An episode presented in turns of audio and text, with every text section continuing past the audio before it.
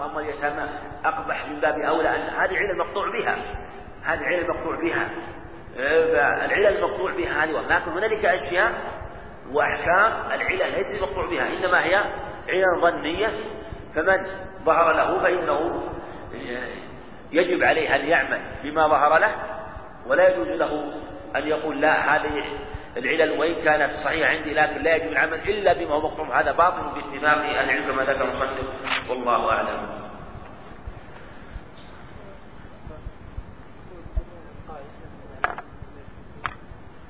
هذا كلام ابن عقيل رحمه الله وكلام غيره. يقول يعني معناه كثير من من قاس في أبواب الربا عللهم يقول معناه أنها صحة نظر هذا هو معنى كلام الله قال رحمه الله الرابع. يعني من استخراج مسالك العلة المناسبة والإخالة. المناسبة والإخالة هو تلمس العلة بالمناسبة للحكم. الإخالة من خال الشيء إذا ظن. تقول هذا يخال لكذا أو أخال هذا كذا يعني أظن. فإذا كان يخال هذا الشيء أو يظن هذا الشيء فهي الإخالة. قال واستخراج ويسمى تخريج المنام معنى أن الحكم إذا جاء وغلب على الظن أن له علة لكن العلة ليست منصوصة ولا مستنبطة. العلة ليست ليست منصوصة ولا ولا ولا بشيء من الطرق السابقة السبر والتقسيم. ففي هذه الحالة نريد أن نستخرج العلة. نجتهد في استخراج العلة. يسمون التخريج المناط المناط هو العلة. تخريجها واستخراجها. وعندنا تحقيق المناط وتنقيح المناط وتخريج المناط تحقيق المناط وتنقيح المناط هذا ما في ما في خلاف بين أهل العلم لأنه حجة إنما الخلاف في تخريج المناط وهو الذي نازع فيه الظاهرية وغيره ممن قال إنه باطل. أما تحقيق المناط فهو العلة موجودة لكن تحقيقها بشيء آخر. مثل مثلا وأشهدوا ذوي عدل منكم. ومثل المثل في الصيد مثله من من بهيمة الأنعام ومثله من غير من غير بهيمة الأنعام ما لا يماثله. نحن متفق محل اتفاق إنه يجب مثل الصيد الذي يصيد مثلا. ومتفقون أن يجب إشهاد ذوي عدل لكن ذوي العدل من هم؟ وصفتهم هذا أمر يحتاج تحقيقه مثل مثلا وجوب النفقة للمرأة هذا أمر متفق عليه. لكن هل هل وجوب النفقة مثلا بالمعروف؟ هل هي مقدرة؟ هذا موضوع خلاف. ما هو تحقيقها؟ تنقيح المناط أيضا متفق عليه. المناط يعني تكون علة موجودة. ما في إشكال. لكن ننقحها. يعني معنى أننا نزيل ما ليس عنده ونبطي ما هو عنده. مثل الأعرابي الذي جاء وقد وقع بأهله في رمضان وينزف شعره ويضرب وجهه. وش العلة؟ ما هي العلة؟ كونها أعرابي هذا ليس بعلة. كونه في ذلك الشهر ليس بعلة. ما هي العلة؟ وكون بعضهم قال العلة لكونه جامع في رمضان. فالعلة الجماع فعلى يثبت الحكم في كل من جامع. وقال العلة لكونه جامع. ناسيا ناسيا وقيل العلة هو انتهاكه للحرمة العلة هو انتهاكه حرمة رمضان. فعلى هذا من أكل من أكل ناسيا أو شرب ناسيا أو على الخلاف مثلا فإنه يجب عليه الكفارة كما تجب على المجامع. لأنه لأنه ذهب ركن الصوم الأعظم. يجب عليه الكفارة قال فاختلفوا في تنقيحها ما هو. منهم من ينقح بالنقص ومنهم من ينقح بالزيادة. تخريج المنار واستخراجها. مثال مثلا قال وهو تعيين علة الأصل بإبداء المناسب من ذات الوصف. تعيين علة الأصل من ذات الوصف. من ذات الوصف. لذلك مثلا الأصناف الربوية في الذهب والفضة علة الربا مثلا فيها في الأصناف الأربعة في البر والشعير والتمر والملح. ما هو هل هو هل هل هل هو النهي عنها لعلة أو ليس لعلة؟ بعض العلماء قال ليس لعلة وبعضهم قال لعلة. واستخر ثم اختلفوا في تخريج العلة هذه ما هي. قالوا لم ينهى عنه إلا لعلة. فتخريجها هو الاجتهاد في استنباط العلة المناسبة للحكم. والمناسبة لغوية.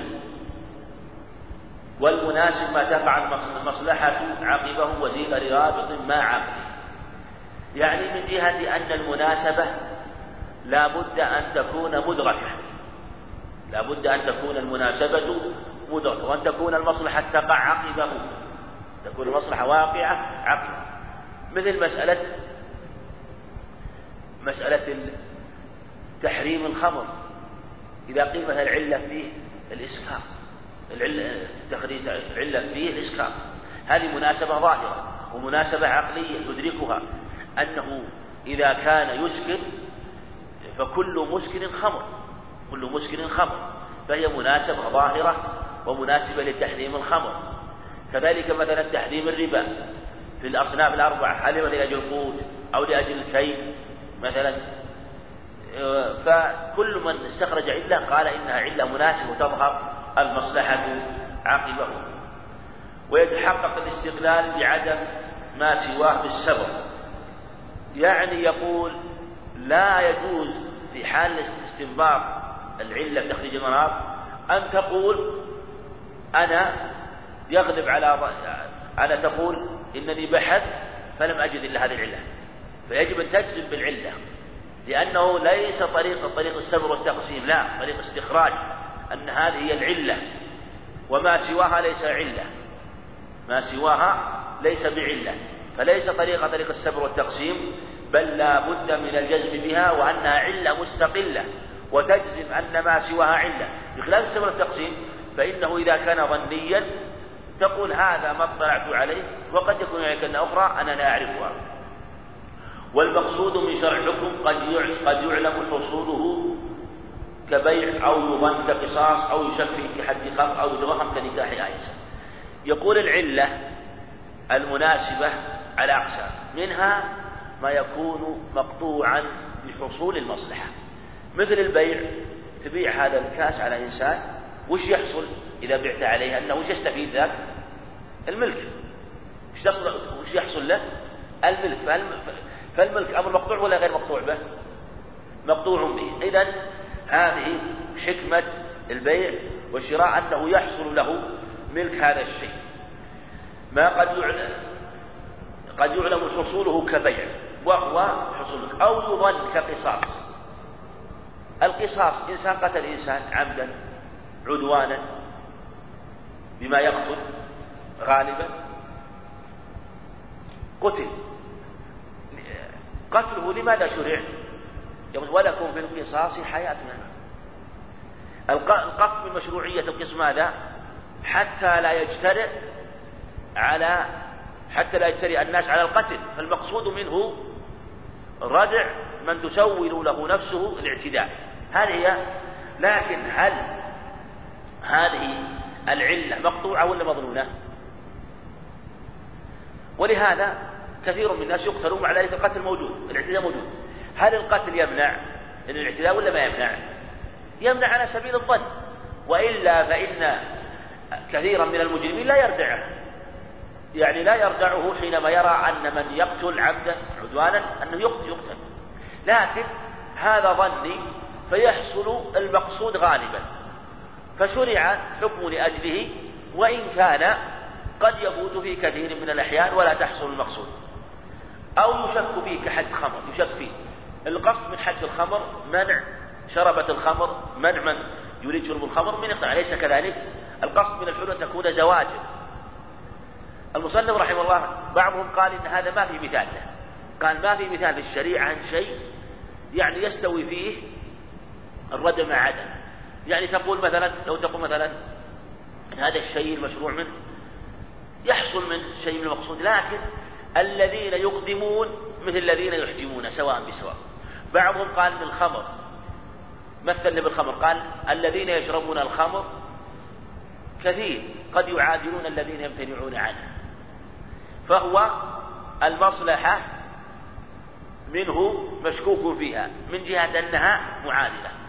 فبعضهم أورد مثال الخمر لكن هذا قد يقال أن الخمر من المصلحة المظنونة خاصة مع وجود أسباب العقاب وانتفاء أسباب الوقوع في الخمر. في الغالب أنه يكون سببا ظنيا ولهذا إذا انتفت أسباب الوقوع في الخمر والدعوة إليه وأماكن الخمر و فإنه في الغالب يكون ظنيا فيكون المرتدعون كثيرين وأكثر ممن يقدم عليه كما هو. يعني غالبا. أو يتوهم كنكاح عائشة للتوالي القصد من شرعية النكاح ماذا؟ يقولون القصد من شرعية النكاح هو التوالي. إذا كان قصد من التوالي مثلا. فالذي ينكح عائشة فإنه لأجل إرادة الولد هذا وهم. لكن هو لو أراد أن ينكحها لذلك لا بأس ما يمنع. لا بأس أن ينكحها وإن كانت عائشة وهذا وهم لكن قد يكون في قدرة الله أن يحصل. لكنه أمر متوهم ولو فات يقينا كلحوق نسب نسب كلحوق نسب نسب مشرقي مغربية ونحو لم يعلل به. يقول ولو فات يقينا لكن يقول إذا فات المعنى يقينا ما يترتب الحكم. لو أن إنسان نكع عقد على امرأة عقد على امرأة. ثم طلقها في المجلس. هم يقولون مشرقي مغربي طلقها في الحال في المجلس. وهو في المشرق وهو في المغرب. ثبت يوجد طلاق خرج من عدتها. طلقها. ثم جاءه ولد بعد ذلك. بعد ستة أشهر جاءه ولد. هل يلحق به من جهة المعنى؟ الجمهور يقول لا لا يصح. ولا يلحق به. لأنه في الحقيقة فات يقينا يعني المعنى المقصود وفات ما هو لأن نتحقق ونقطع أن هذا الولد ليس منها أليس كذلك؟ نقطع يقينا. بل بالغ بعض العلماء واختار شيخ الإسلام رحمه الله أنه لا يثبت النسب إلا مع إمكان الوضع رحمه الله. يقول لابد من إمكانه أما مع ثبوت انتفائه هذا ما في إشكال. لكن هذا رد على مذهب الأحناف الذين يقولون بذلك. والمناسب يقول المناسب نوعان دنيوي وأخرى سيأتي دنيوي ضروري أصلا. أراد أن يبين أن الاستخراج العلة بالمناسبة أقسام. أولها دنيوي والدنيوي أقسام. ضروري أصلا وهو أعلى رتب المناسبات. وهو أقسام. أول وأعلى المناسبات هو ما كان ضروريا وهو أقسام. أولها حفظ الدين. فالنفس فالنسل فالعقل فالمال فالعقل. هذه هي الضروريات الخمس. وبعضهم زاد معها يعني جعلها ستا حفظ الدين والنفس والنسل والعقل حفظ الدين والنفس والنسل والعقل والمال ستة هذه ستة نعم. بعضهم جعلها خمسة فلم يذكر معها العرض وجعل العرض داخلا في النسب أو النسل حفظ النسب أو حفظ النسل كما يعبر به بعضهم.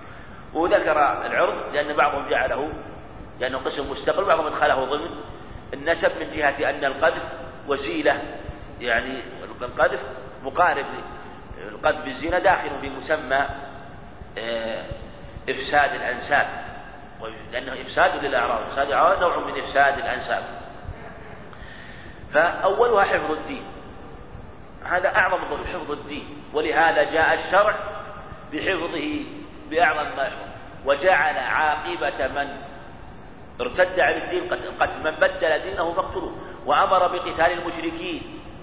وجعلهم أصنافا. وحتى يدخلوا في دين الله. على الخلاف من يقر بالجزية من لا يقر بالجزية. فالمقصود أن الدين هو أعلاه ثم يليه النفس حفظ النفوس. من من الائتلاف. فأول حفظ الدين من الهلاك.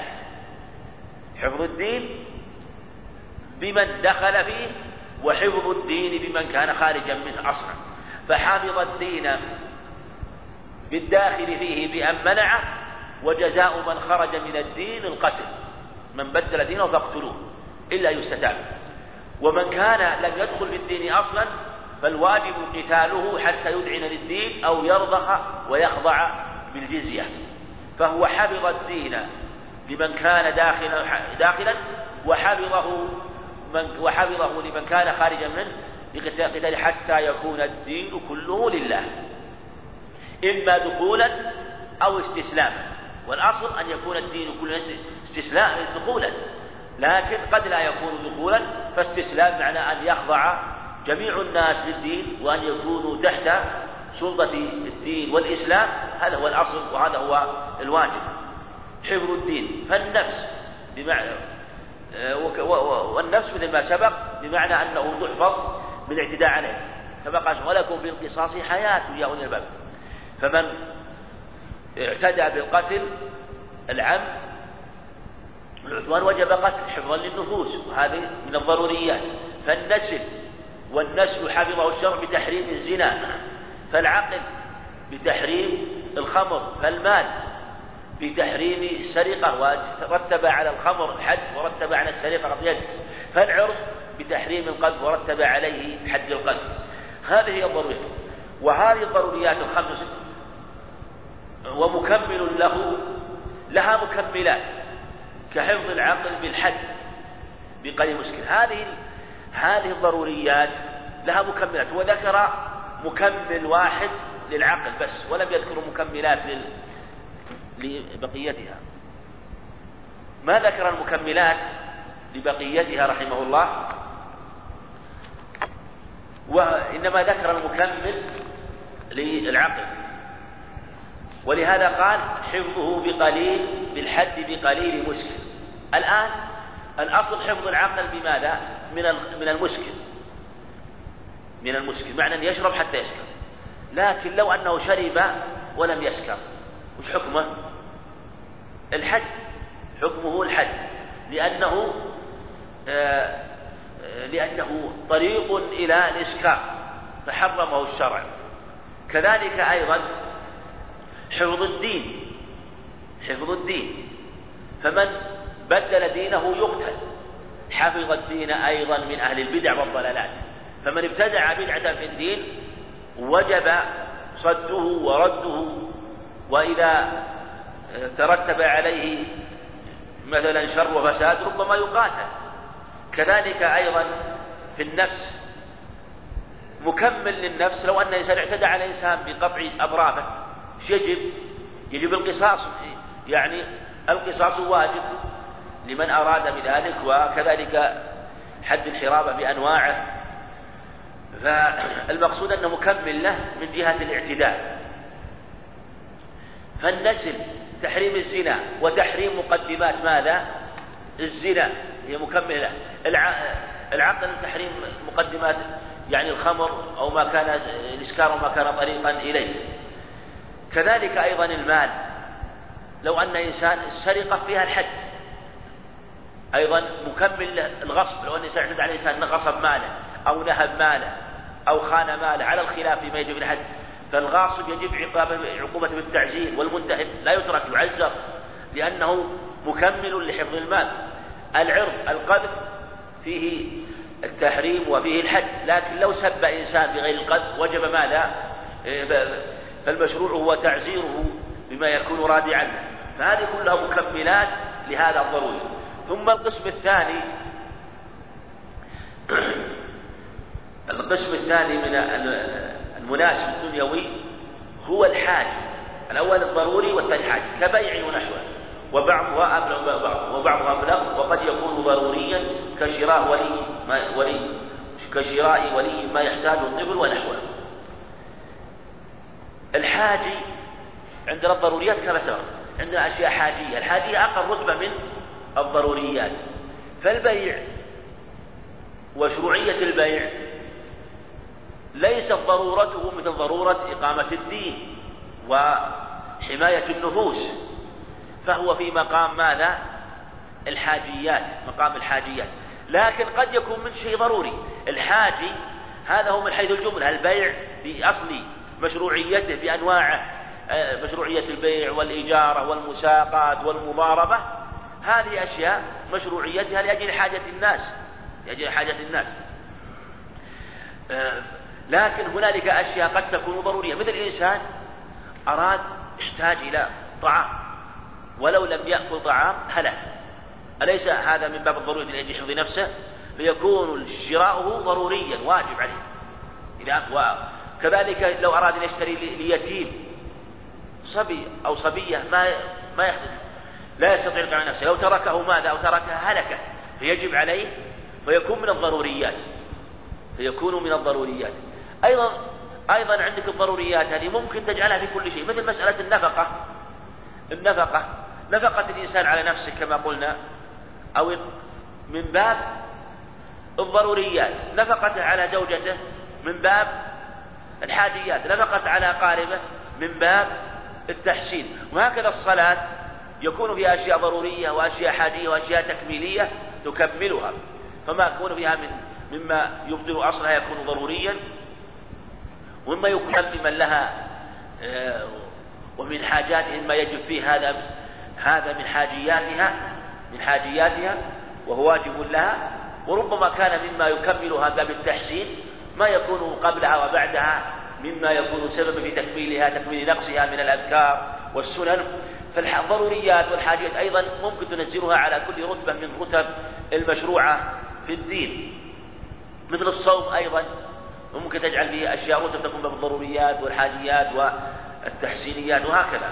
فعلى هذا البيع ونحوه يعني نحو مثل المشاركات والمساقات والمضاربات والمؤاجرات وما شابه ذلك وبعضها أبلغ يعني بعضها قد يكون ضروريا. وقد كشر كما سبق. ومكمل له كرعاية كفاية هذا مكمل مكمل لهذا الحاج مكمل له. مثل المكمل لماذا؟ للضروري. أيضا الحاجي الحاجي له مكمل. كرعاية كفاية مثل النكاح من الأمور اللي هي حاجية. النكاح لا وتزويج المولية من الأمور التي هي محل حاجة. لكن قد تكون منزلة ضرورة إذا ترتب عليه وقوع في ماذا؟ في محرم. لو أنه منع موليته وقد يؤدي بها مثلا إلى الوقوع في محرم من زنا ونحوه. يكون ضروريا ويكون واقعا في جرم عظيم. لكن هو من حيث الجملة محل حاجة. مراعاة الكفؤ ومهر المثل هذا مكمل. هذا مكمل له. في تزويج صغير وتحسين غير معارض القواعد. النوع الثالث التحسين. هذا النوع الثالث. الأمور التحسينية. غير معارض القواعد كتحريم النجاسة. وكسلب المرأة عبارة عقد النكاح تلعب أهلية الشهادة على أصلنا أو معارض الكتابة. يعني هذا هذا النوع الثالث هو التحسين أمور التحسينيات يقول يقول التحسينيات في الرتبة الثالثة. وهي مثل تحريم النجاسة. النجاسة وتحريم النجاسة هذه الأصل فيها. ومن أمور تحسينية. من جهة أن اجتناب أمر ومستحسن الشر وهكذا أيضا ما ما ما يعني ما يستقدر من أمور التحسينية أيضا. واجتناب النجاسة قد يكون من باب الحاجيات في اجتناب النجاسة في الصلاة. اجتناب النجاسة. وقد يكون ضروريا إذا كان تلطخ بالنجاسة يؤدي الهلاك يتناول النجاسة ويأكل النجاسة مما يكون سببا إلى هلاك ويكون اجتنابها من باب الضروريات. لكن هي في الأصل من باب التحسينيات. وكسلب المرأة عبارة عن النكاح. المرأة لا تزوج نفسها. وهذا ما يستحسن في الشرع من جهة العموم من جهة أن المرأة لو جعل أنها هي تزوج نفسها قد يكون فيه نوع آه، تطلع للرجال وبروز للرجال. هذا أمر لا يحسن المرأة لأن المرأة مبنية على الحشمة وعلى الستر. لا العبد أهلية الشهادة على أصلها يقول بعضهم قال أيضا منع العبد والمملوك من الشهادة باب التحسينيات. من جهة أن العبد مملوك ومستغرق في منفعة سيده فيقول منعه من وعدم إجازة شهادته من باب التحسين. المصنف رحمه يقول العبد إجازة شهادة العبد ليست من هذا الباب. لأننا نجيز شهادة العبد. لا نمنعه. لا نمنعه. لأن العبد يجوز شهادته إلا مسألة الحدود فإنهم يمنعونها وفي اختلاف في هذا. لكن المقصود هل هو مثلا من باب التحسين؟ يعني يمنع كما يقول بعضهم فيكون باب التحسين أو لا يمنع فيكون كالحر. أو معارض كالكتابة. كذلك الكتابة يقولون وكاتب علمتم فيه خيرا في الأمر بالكتابة وكاتب عليكم فيها خير هذا أمر والجمهور على الاستحباب. الأصل أن الحر لا يجوز أن أن أن الإنسان لا يجوز أن يبيع نفسه أليس كذلك؟ هذا أصل مضطرد وقاعدة مضطردة للشريعة. يقول مصدق رحمه يقول له معارض كالكتابة. يقول هذه الأصل جاء له معارض مخصص. وسمي معارض لكنه مخصص. وأنه يجوز أن يبيع الإنسان نفسه لأجل هذه المصلحة. وهو أن يبيع العبد نفسه على من؟ على سيده. يقول بعتك نفسي بكذا وكذا على نجمين أو على ثلاثة. لا بد أن يكون أكثر من نجم. نعم؟ لا فالمقصود أنه يبيع المقصود أنه يبيع نفسه. هذا في الأصل أنه ممنوع من جهة أن أنه لا يجوز أن يبيع.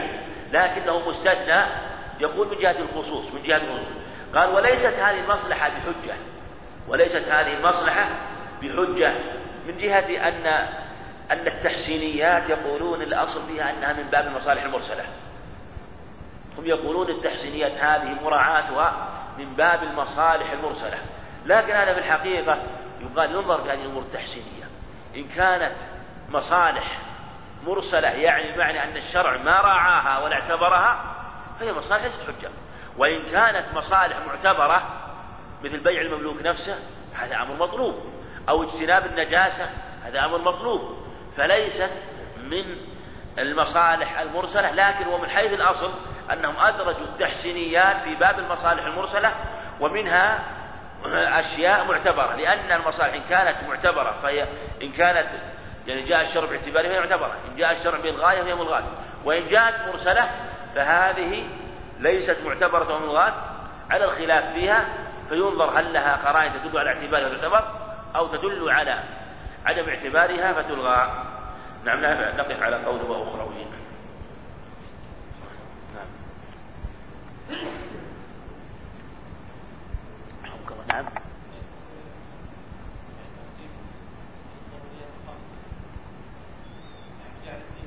نعم نعم.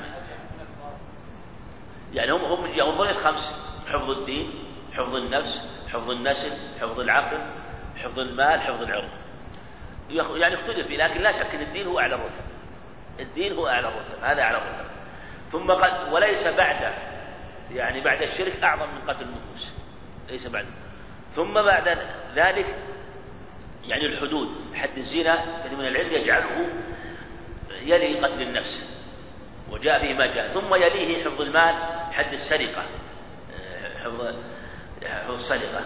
ثم بعد ذلك يعني الحقيقة حفظ العقل. وبعضهم ربما قدم العرض العرض لكن حفظ العقل من حفظه في تحريم المسكن. ثم حفظ العرض بتحريم القتل. لكن جعل العرض حفظ العرض مع النسل أنسب لأن في الحقيقة هو أقوى من جهة حفظ حفظ النفس بالخمور حفظ العقول.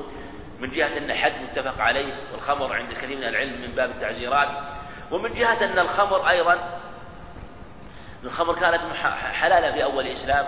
ولهذا نازع بعضهم في قولهم قول من قال إنها محرمة في جميع الشرائع قال هذا ليس بصحيح ولا دل عليه أنها محرمة. بل جاءت حلال في أول الإسلام كانت حلال. كانت حلالا. فلهذا أدرجت يعني يدرج العرض في مسألة حفظ النسل. وتكون خمسا.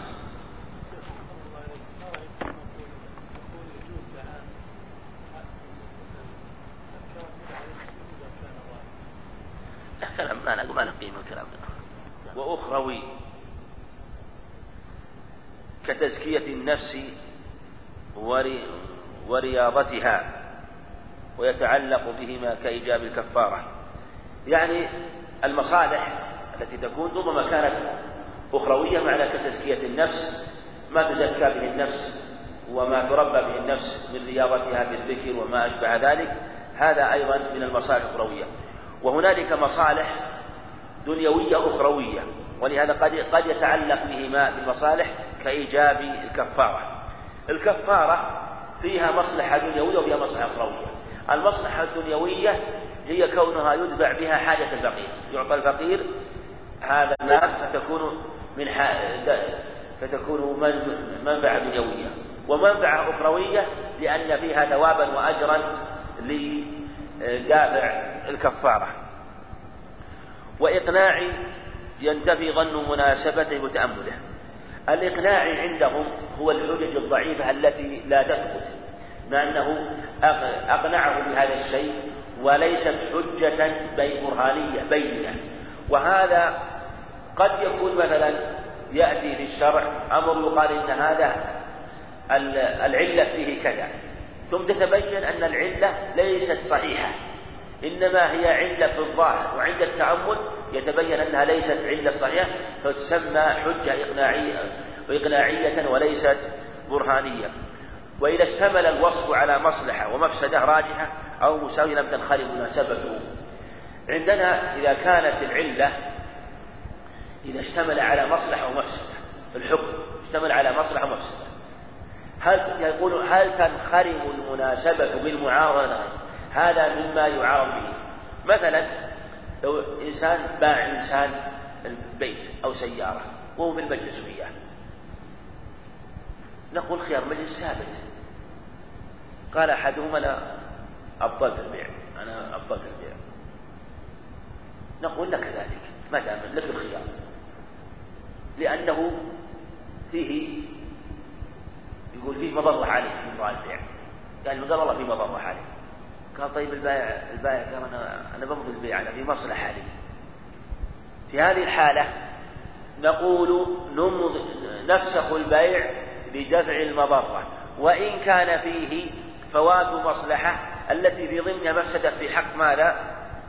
العاقد الثاني فإذا اشتمل مثلا هذا العقد مثلا على اللي فسخناه على مصلحة دفع مضرة عن أحد العاقدين وتحصيل المصلحة التي فوتناها على من؟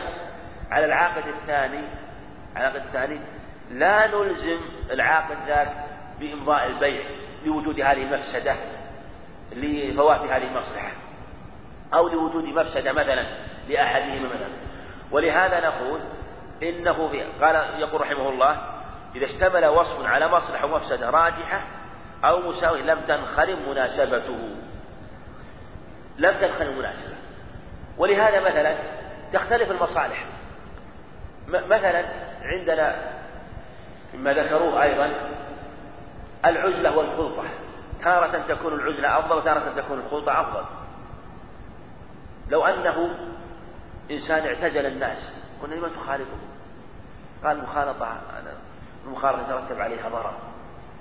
ننظر في هذه الخلطة. إن كان يترتب عليها ضرر في دينه وليس فيه إلا مصلحة المجالسة والمخاطبة. في ضرر في دينه نرجح جانب مفسدة المتعلقة بالدين لأن مفسدة راجحة ونفوت تلك المصالح في المخالطة وإن كانت المفسدة متوهمة رجحنا جانب المصلحة وألغينا جانب المفسدة ولهذا قال وللمعلل ترجيح وصفه بطريق تفصيلي يختلف اختلاف المسائل يختلف اختلاف المسائل.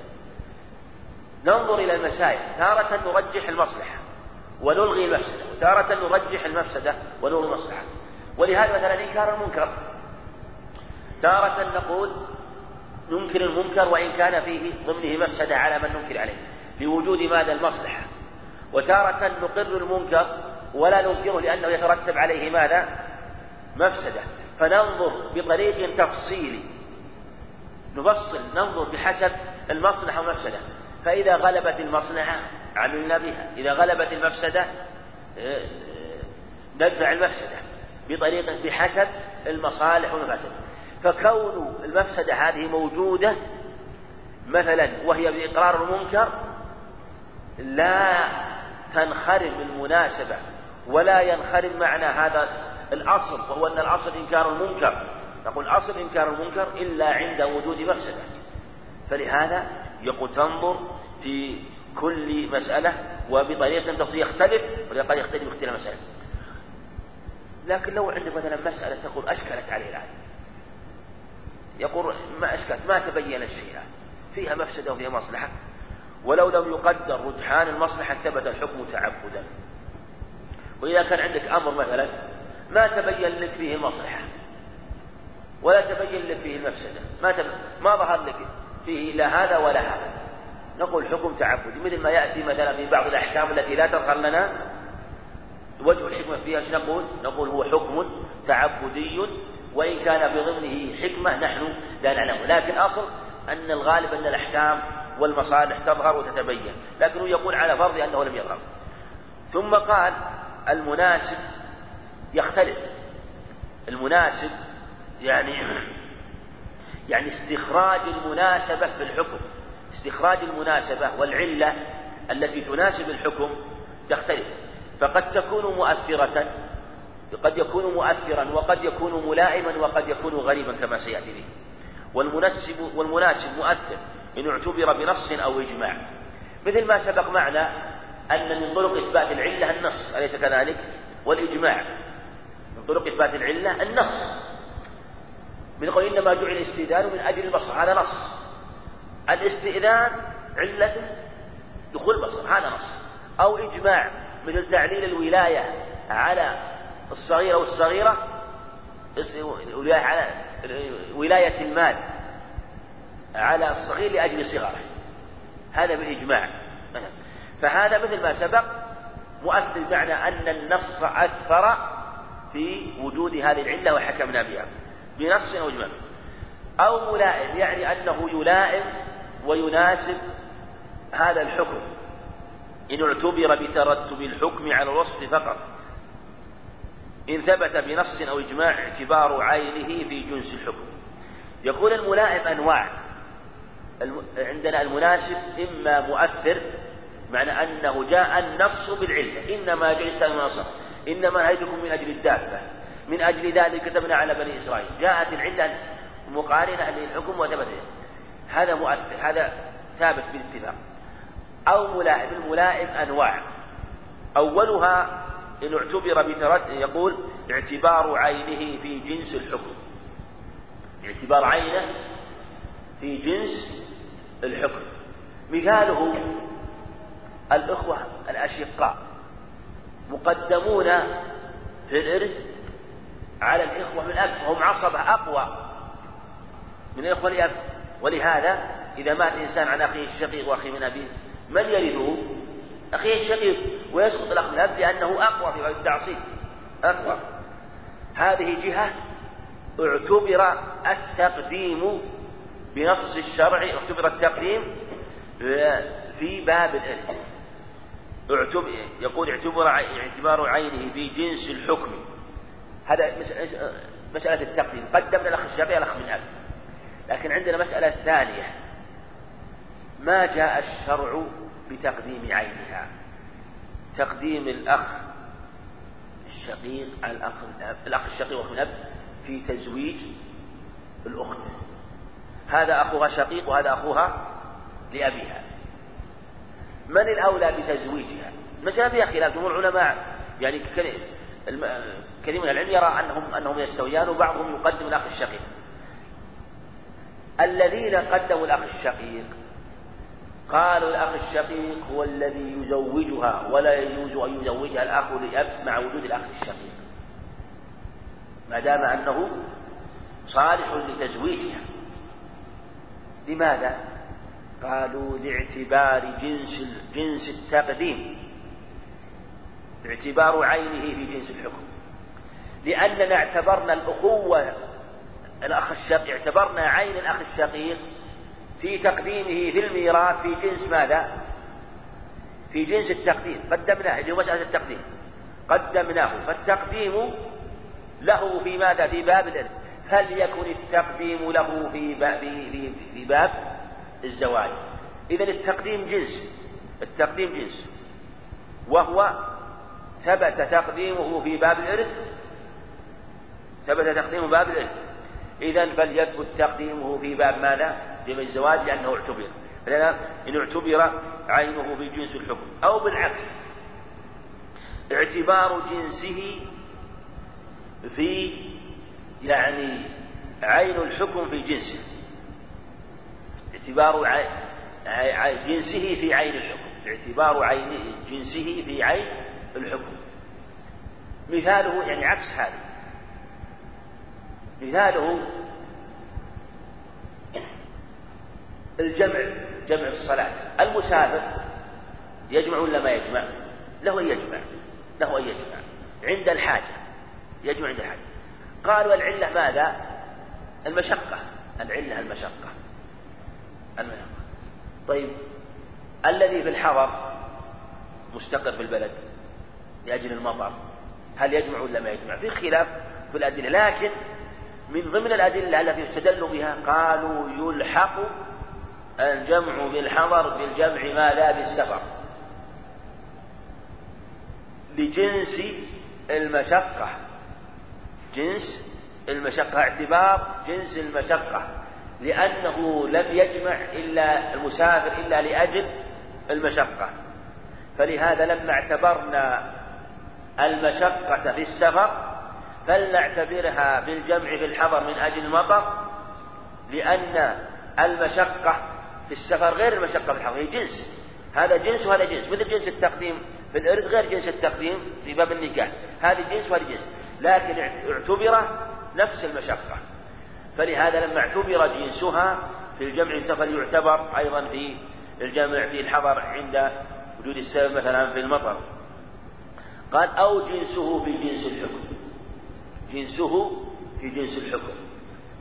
يعني ليس وضربوا على ذلك مثال وذكروا قصة لا تثبت عن الصحابة رضي الله عنهم وهو أنهم وهو أنهم قالوا في في شارب الخمر قالوا إذا سكر هذا وإذا هذا افتروا حد المفتري ثمانون يجلد ثمانون قالوا لأن الذي يهلي الذي يفتري الذي يسكر في الغالب يهلي وربما يفتري فأقمنا المظنة مقام عندنا من جهة أنه غالبا يقذف فلهذا أقمنا عليه الحد. أقمنا عليه الحد. مثل ما أقمنا الخلوة مقام الجماع في الخلوة بالمرأة. إذا خلى الرجل بالمرأة إذا خلى الرجل بالمرأة ثبت العدة وثبت ماذا؟ المهر.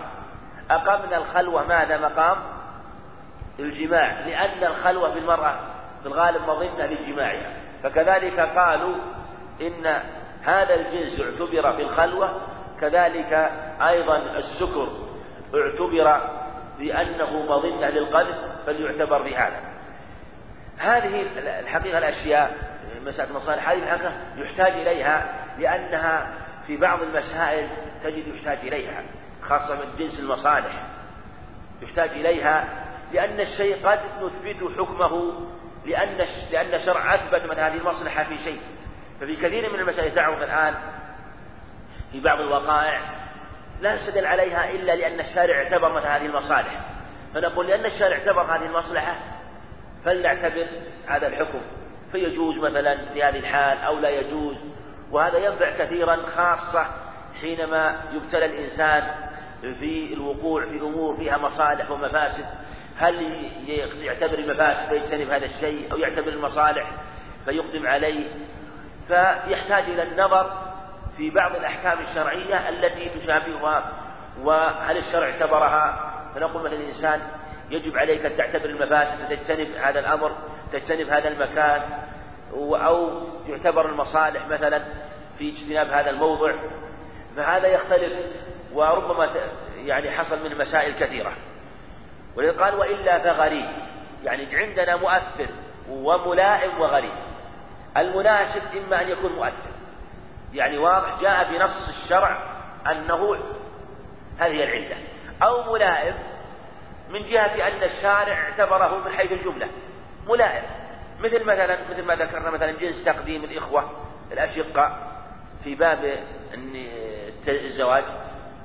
هو في الحقيقة لم يأتي دليل في تقديمه أليس كذلك؟ لكن هو ملائم لتصرفات الشارع. قالوا ملائم ومناسب لتصرف الشارع لأن الشارع اعتبره شيئا ملائما في جنس آخر. كذلك اعتبره مثلا في هذا الجنس. كذلك أيضا في مسألة الجمع لأجل المشقة. قالوا وإن لم يأتي دليل صريح واضح مثلا في الجمع للمطر واضح؟ هناك أدلة لكن آه، يعني بصرف النظر عن دلالتها وقوتها قالوا ننظر إلى اعتبار هذه المشقة. هل اعتبرها الشارع؟ قال نعم اعتبرها في الجمع فاعتبارها يدل على أنها ملائمة لتصرفات الشارع فيمكن أن تعتبر أيضا في أبواب أخرى. ولهذا وسع بعضهم هذا الحكم حتى إن الإمام أحمد رحمه الله أجاز الجمع للشغل. أجاز الجمع للشغل. وأجازوا الجمع للمرضع وأجازوا الجمع لكثير وذكروا ثمانية أنواع. ما هناك الحقيقة أدلة إلا أن الشارع اعتبر هذه المصالح وكانت ملائمة لتصرفات الشارع. ولهذا تجد تجد أنهم يذكرون هذه الأشياء في مسائل اعتبرها. فقالوا أن الشارع اعتبر جنس المشقة في هذه الأشياء فهي معتبرة في الجملة وملائمة لتصرف الشارع فلتعتبر في غيرها الغريب يترتب عليه أحكام لأن يدخل فيه. الغريب قد يكون قد يكون الشارع اعتبره ثلاثة أنواع إما أن يكون الشارع اعتبره أو أن يكون ألغاه أو أن يكون مرسلا وهي ما يسمى المصالح المرسلة. فإذا كان الشارع ألغاه إذا كان الشارع ألغاه فهو ملغى وإذا كان اعتبره فهو ملحق بالمصالح وإذا كان مرسلا يعني أرسله بلا اعتبار. لم يعتبره ولم يلغيه. هذا يسمى المصالح المرسلة ويأتي بحثه إن شاء الله والله أعلم. هذا الدرس بدايته زيادة شرح للدرس السابق بمعنى أنه مكرر. قول وأخرى وأخرى كتزكية النفس ورياضتها وقد يتعلق بهما كإيجاب الكفارة وإقناع ينتفي ينتفي ظن مناسبة بتأمله. يقول هذا المناسب الأخروي المناسب الأخروي ما هو؟ هو الذي يتعلق بتزكية النفس بتزكية النفس ورياضتها. تزكية النفس وقد يتعلق بهما كإيجاب الكفارة. يعني أن المناسب الأخروي هو ما يقصد به تزكية النفس. وبمعنى مثل كفارة مثلا. الكفارة فيها تزكية للنفس وتتعلق بالدنيا والآخرة لأنها في الدنيا فيها مصلحة وهي إخراج الكفارة. هي مصلحة إخراج الكفارة وإطعام هذا وإطعام مسكين. وفيها يعني متعلقة بالمخرج له وبالمخرج بالمخرج له وبالمخرج فالمخرج تتزكى نفسه ويطهر والمخرج يعطى هذه الكفارة وينتفع بها. أما الإقناعي الإقناعي هو الشيء الذي يظهر في بال الأمر أنها مناسبة ثم عند التأمل تبطل المناسبة. مثل المناسبات المتخيلة أو التي مخالفة للنصوص مثل ما ذكروا في المناسبات التي مثلا لو قال إنسان قطع السارق السارق أو إنسان سرق مثلا قال السارق هذا قتله قال قتلها أحسن لأنه في رد. هذه مناسبة لكنها تكون باطلة وبتأملها يتبين بطلانها.